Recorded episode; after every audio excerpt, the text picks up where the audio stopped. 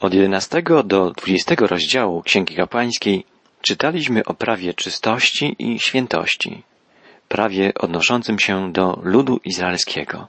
Następny, 21 rozdział Księgi Kapłańskiej zawiera prawo dotyczące osobistej czystości kapłanów. Na początku Bóg pragnął, aby cały naród wybrany był królewskim kapłaństwem, jak czytaliśmy w Księdze Wyjścia, w drugiej Księdze Mojżeszowej.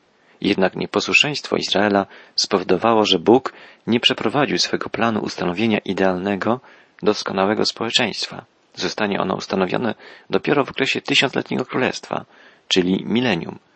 Wtedy cały naród izraelski, jak zapowiada Biblia, przeżyje wielkie duchowe przebudzenie i Izraelici będą kapłanami Pana dla wszystkich narodów. Po upadku Izraela na pustyni, po wyjściu z niewoli egipskiej, Bóg wybrał tylko jedno plemię, plemię Lewiego, żeby pełniło funkcje kapłańskie. Pozycja kapłana wiązała się z większą odpowiedzialnością i większymi wymaganiami odnośnie czystości życia. Dzisiaj Kościół Chrystusowy, czyli wszyscy wierzący, są królewskim kapłaństwem żywego Boga. Każdy wierzący, jako współkapłan Jezusa Chrystusa, powinien prowadzić uświęcone życie. Jest to możliwe dzięki działaniu Ducha Świętego, zesłanego na ziemię po wstąpieniu do nieba najwyższego kapłana, Jezusa Chrystusa.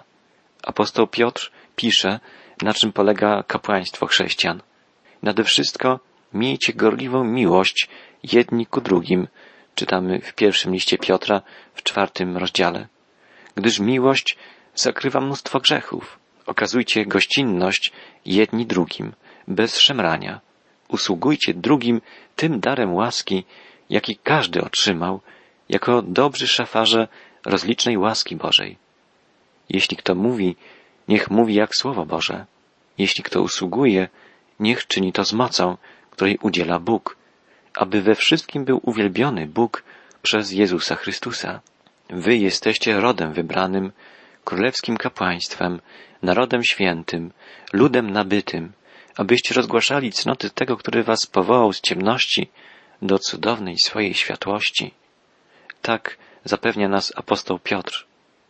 Jako ludzie oddani Bogu, wszyscy wierzący są powołani do prowadzenia życia różniącego się od stylu życia ludzi niewierzących. Apostoł Paweł w liście do Efezjan pisze, to zatem mówię i zaklinam was w Panu, abyście już nie postępowali tak, jak postępują poganie, z ich próżnym myśleniem, umysłem pogrążeni w mroku, obcy dla życia Bożego, na skutek tkwiącej w nich niewiedzy, na skutek zatwardziałości serca. Wy zaś nie tak nauczyliście się Chrystusa. Słyszeliście przecież o Nim i zostaliście pouczeni w Nim, że co się tyczy poprzedniego sposobu życia, trzeba porzucić dawnego człowieka, który ulega zepsuciu na skutek zwodniczych rządz, odnawiać się duchem w waszym myśleniu i przyobec człowieka nowego. Trzeba porzucić dawnego człowieka, a trzeba przyjąć nowego człowieka, stworzonego według Boga, w sprawiedliwości i prawdziwej świętości. Te słowa apostoła Pawła znajdujemy w liście do Efezjan w czwartym rozdziale. Człowiek, który jest Bożym dzieckiem, powinien wyróżniać się czystością, świętością życia. Boże oczekiwania odnośnie czystości życia kapłanów czasów Starego Testamentu są dobrą ilustracją oczekiwań Boga wobec naszego życia. Przeczytajmy więc pierwsze cztery wiersze 21 rozdziału Księgi Kapłańskiej. Potem Pan powiedział do Mojżesza, mów do kapłanów, synów Arona i powiedz im, kapłan nie będzie się narażał na nieczystość z powodu zwłok zmarłego krewnego, chyba tylko z powodu najbliższych krewnych, z powodu matki, ojca, syna, córki lub brata, siostry dziewicy, która jest mu szczególnie bliska, ponieważ nie należy do żadnego męża. Z jej powodu może się narazić na nieczystość rytualną, ale kapłan nie będzie się narażał na nieczystość rytualną z powodu krewnych swej żony. Byłoby to zbezczeszczenie. Śmierć jest zapłatą za grzech. Śmierć jest konsekwencją grzechu. Stąd kapłan nie powinien stykać się ze zwłokami, za wyjątkiem zmarłych, którzy byli jego najbliższymi krewnymi. Fizyczny kontakt ze zmarłym powodował nieczystość rytualną. Pozycja, jaką zajmował kapłan i służba, jaką codziennie sprawował, wymagała ciągłego oczyszczania się i pozostawania w gotowości do przychodzenia przed oblicze Boga w imieniu ludu. I dzisiaj jest prawdą, że każdy wierzący człowiek, który chce otaczającym go ludziom mówić o Bogu i świadczyć o nim swoim życiem, musi postępować w sposób prawy, czysty, uczciwy, tak żeby być dla bliźniego drogowskazem, wskazującym na świętego Boga. Dalej czytamy o kapłanach, wierszu piątym. Nie będą sobie strzygli głowy do skóry, nie będą golili krajów brody, nie będą nacinali swojego ciała. Opisane tu postępowanie było powszechne wśród otaczających Izraelitów ludów pogańskich. W ten sposób poganie uzewnętrzniali swój żal po śmierci bliskich. Czasem Izraelici przejmowali elementy kultów pogańskich. Było to absolutnie nie do pomyślenia w przypadku kapłanów. Będą święci dla swojego Boga. Nie będą bezcześcić imienia Bożego, bo oni składają Panu ofiary spalane, pokarm swojego Boga, a więc będą świętością. Kapłani powinni być przykładem świętości dla całego ludu. Ich pozycja wymaga zachowywania nienagannej czystości i godności. Reprezentują przecież samego świętego Boga. To samo dotyczy ludzi reprezentujących Boga dzisiaj. W liście do Tytusa czytamy Biskup bowiem, jako włodarz Boży, powinien być nienaganny, niesamowalny, nieskory do gniewu, nie oddający się pijaństwu, nieporywczy, niechciwy brudnego zysku, ale gościnny, zamiłowany w tym, co dobre, roztropny, sprawiedliwy, pobożny, wstrzemięźliwy, trzymający się prawowiernej nauki. O kapłanach okresu Starego Przymierza czytamy dalej. Nie wezmą za żonę nierządnicy lub kobiety pohańbionej. Nie wezmą kobiety wypędzonej przez męża, bo kapłan jest poświęcony Bogu. Będziesz go uważał za świętego, bo on ofiaruje pokarm Boży. Będzie święty dla ciebie, bo ja jestem święty. Ja, Pan, który was uświęcam. Tutaj mowa jest o prywatnej, osobistej warstwie życia kapłana. Tu powinna manifestować się świętość i czystość człowieka, który reprezentuje Boga. Kapłan jest postacią zapowiadającą Chrystusa. Wszyscy wierzący, tworzący Kościół, nazwani są oblubienicą, czyli panną młodą, która ma oczekiwać, czysta, bez skazy, na swego oblubieńca, Chrystusa. Przywódcy Kościoła powinni dawać przykład wierzącym, powierzonym im pod opiekę, właśnie szczególnie w tej dziedzinie, w sferze życia osobistego, życia rodzinnego, życia na co dzień. Jeżeli córka kapłana bezcześci siebie nierządem, bezcześci przez to swojego ojca, będzie spalona w ogniu. Dlaczego? Bo swoim postępowaniem niszczy autorytet ojca. Rodzina osoby będącej przywódcą, liderem, nauczycielem, kaznodzieją powinna tworzyć wspólnie z nim model uświęconego, wzorowego, przykładnego życia. Dalej czytamy Kapłan, który jest wyższy godnością ponad braci, na którego głowę była wylana oliwa namaszczenia, który był wprowadzony w czynności kapłańskie, wkładając szaty, nie będzie rozpuszczał włosów i nie będzie rozdzierał swoich szat. W ogóle nie zbliży się do żadnego zmarłego, nie narazi się na nieczystość rytualną, ani z powodu ojca, ani z powodu matki. Nie będzie wychodził z przybytku świętego nie będzie bezcześcił świętego przybytku swego Boga, bo ma na sobie, jak diadem, oliwę namaszczenia swego. Ja jestem Pan. Niezwykłe słowa. Mowa tutaj o kapłanie najwyższym. Jako namaszczony przez Boga w szczególny sposób jest człowiekiem wybranym i przeznaczonym do nieustającej służby dla Boga. Jest oddzielony od innych, stale przebywa w świętym przybytku, świadom Bożej obecności i swojej odpowiedzialności przed Nim, odpowiedzialności za siebie, ale też za wszystkich kapłanów i za cały lud. Nosi stale swoje szaty, bo reprezentuje Bożego Pomazańca, Chrystusa, czystego, świętego, sprawiedliwego arcykapłana. Pełniąc tak godną funkcję, nie może demonstrować uczuć poprzez rozpuszczanie włosów czy rozdzielanie swoich szat. Znamienne jest to, że w czasie procesu Jezusa najwyższy kapłan rozdarł swoje szaty. Złamał w ten sposób prawo, według którego Jezusa sądzono. W rzeczywistości to nie on, lecz Jezus Chrystus zachował w czasie tego podłego, niezgodnego z prawem procesu godność najwyższego kapłana. Kapłan najwyższy miał na sobie oliwę namaszczenia. Jezus namaszczony był Duchem Świętym. Był czynicielem woli Ojca, posłusznym aż do śmierci. Bóg oczekuje od nas posłuszeństwa i poddania się Jego woli. Postawa Jezusa jest dla nas wzorem, zachęcającym przykładem.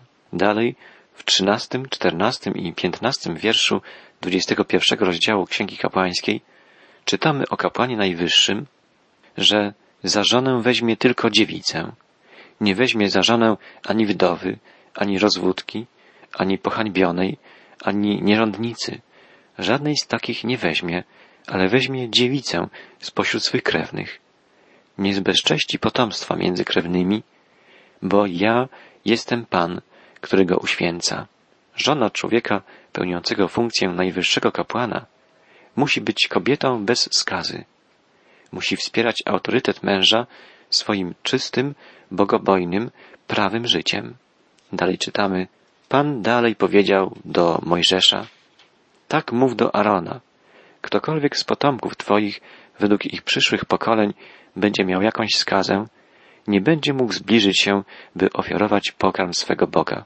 Żaden człowiek, który ma skazę, nie może się zbliżać, ani niewidomy, ani chromy, ani mający zniekształconą twarz, ani kaleka, ani ten, który ma złamaną nogę albo rękę, ani garbaty, ani niedorozwinięty, ani ten, kto ma bielmo na oku, ani chory na świerzb, ani okryty liszajami, ani ten, kto ma zgniecione jądra. Żaden z potomków kapłana Arona, mający jakąś skazę, nie będzie się zbliżał, aby złożyć spalaną ofiarę Panu.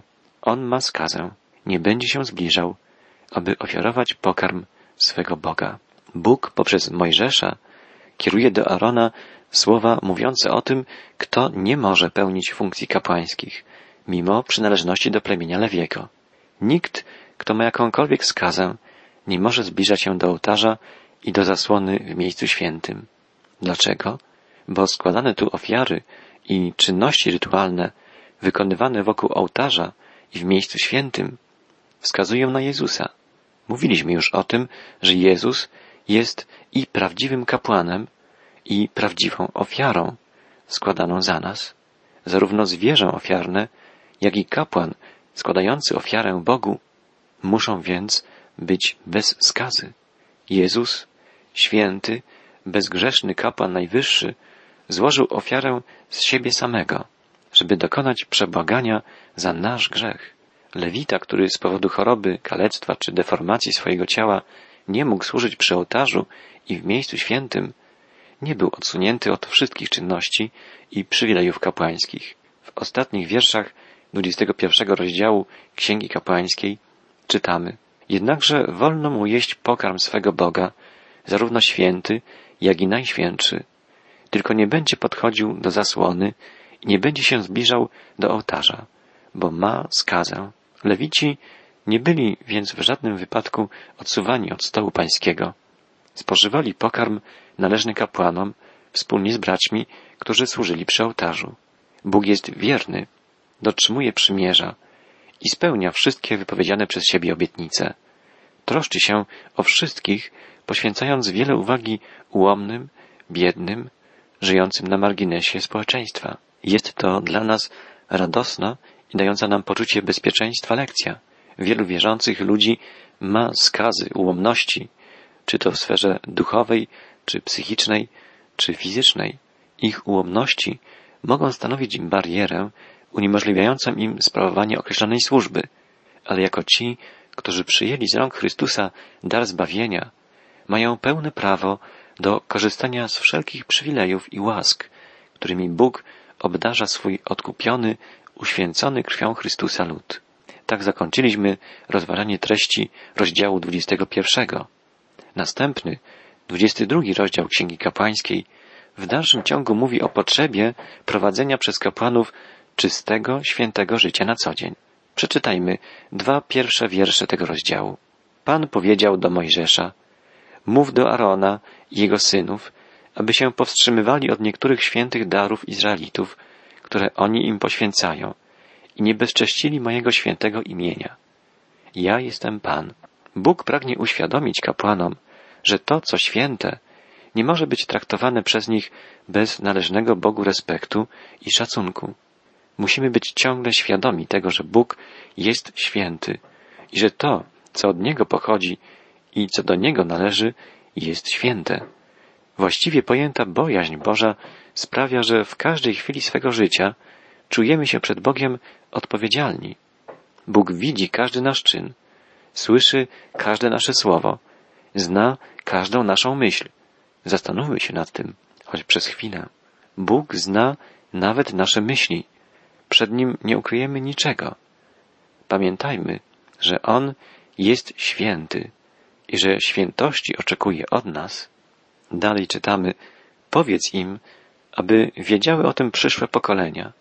Jeżeli kto z potomków waszych, będąc w stanie nieczystości rytualnej, zbliży się do rzeczy świętych, które Izraelici poświęcają Panu, to człowiek ten będzie odrzucony ode mnie. Ja jestem Pan. Żaden potomek Arona, który by był trędowaty lub cierpiący na wyciek, nie będzie mógł jeść rzeczy świętych, dopóki się nie podda oczyszczeniu. Tak samo będzie z tymi, którzy dotkną się kogoś nieczystego z powodu umarłego albo tego, z którego wypłynęło nasienie. Ktokolwiek więc dotknie się takich rzeczy, będzie nieczysty. Nie będzie jadł padliny ani mięsa zwierząt rozszarpanych, bo przez to stałby się nieczysty. Będą strzec mojego zarządzenia. Nie będą narażać się na grzech z tego powodu. Ja jestem Pan, który ich uświęcam. Kapłani mają być świętymi w relacjach rodzinnych, społecznych, w każdym momencie zetknięcia się ze sprawami tego świata.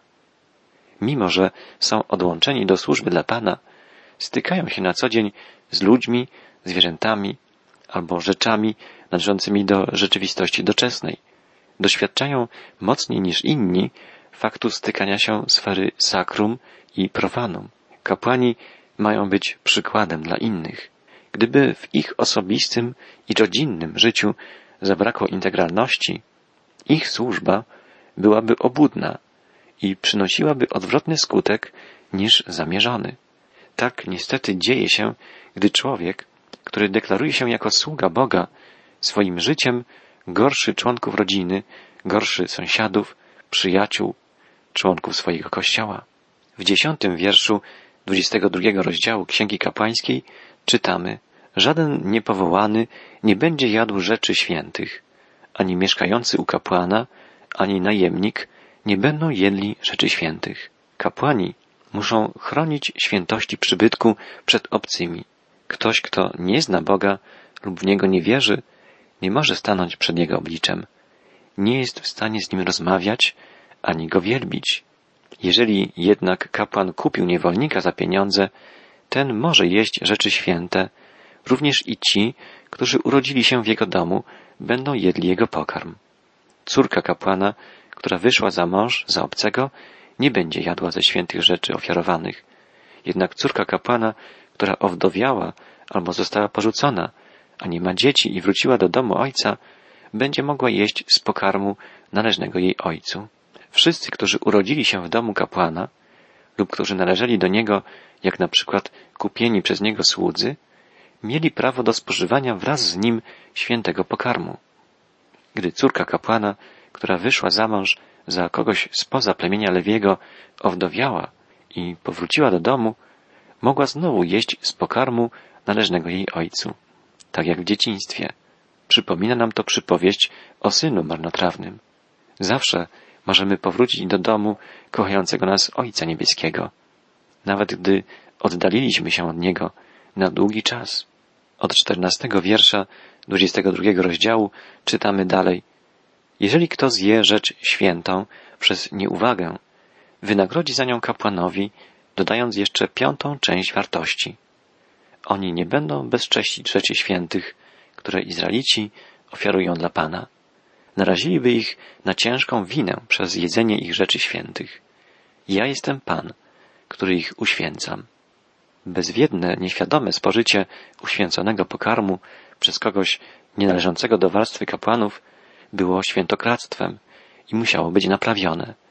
Nieznajomość przykazań Boga nie zwalnia nikogo z odpowiedzialności za wykroczenie przeciwko Jego prawu. Naszą odpowiedzialnością jest uświadamianie niewierzącym, że świętość Boga jest czymś niezależnym od ich niewiedzy, ich ignorancji. Mogą oni doświadczyć świętości Boga, dostrzegając Jego świętość w naszym życiu.